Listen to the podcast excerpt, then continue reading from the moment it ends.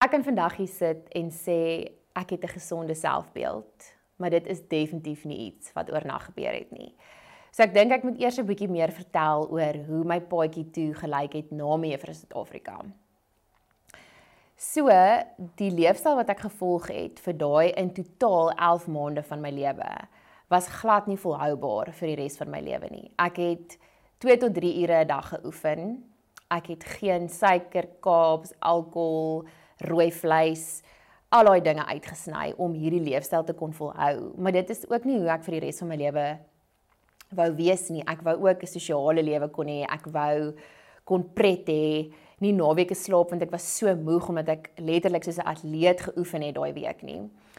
So na die kompetisie het ek toe nou weer die gewig opgetel. Die oomblik toe ek net asemhaal en weer my pa se braaivleis choppie geniet, 'n glasie MCC geniet oor 'n naweek wat een van my gunsteling dinge is, het ek baie vinnig die die gewig opgetel. Ek sê as ek so 'n metafoor voor kan gebruik, as my liggaam 'n rubberballetjie was, het ek hom soos plat probeer druk in daai tyd en die oomblik toe ek net laat gaan, toe gaan my die balletjie maar terug na na sy normale grootte waar dit toe nou gelukkig was.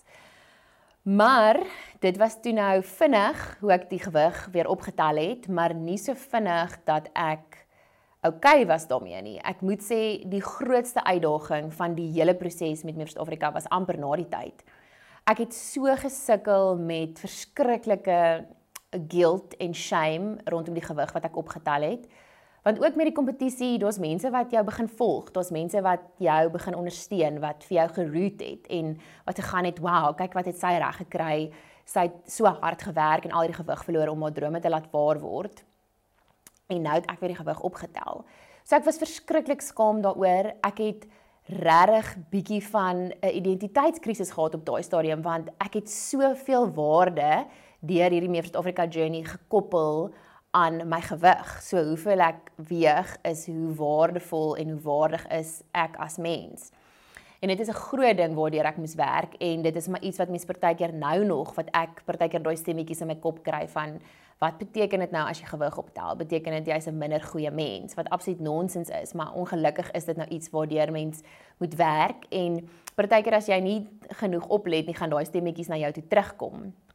Maar ek het toe terugbeland in my size 14 jeans en ek het geteken by 'n modelagentskap en hulle het vir my gesê, "Weet jy wat? Ons hou van jou net soos jy is. Ons dink jy is perfek vir die German curvy market." So binne 2 maande is ek toe op 'n vliegtyg op pad Duitsland toe. Ek het geen idee wat om te verwag nie. Ek is toksiel alleen. Ek was nog nooit in my lewe in Duitsland nie. En daar het ek toe my heel eerste model job geboek by die Duitsers. So ek was skaam geweest. Ek het my jeans aangetrek. Ek het nog nie heeltemal gemaklik gevoel in my eie liggaam nie en ek het so om die draai gekom en die kliënt het gesê, "Wow, your bum keeps the pants up." En hulle was so happy daarmee.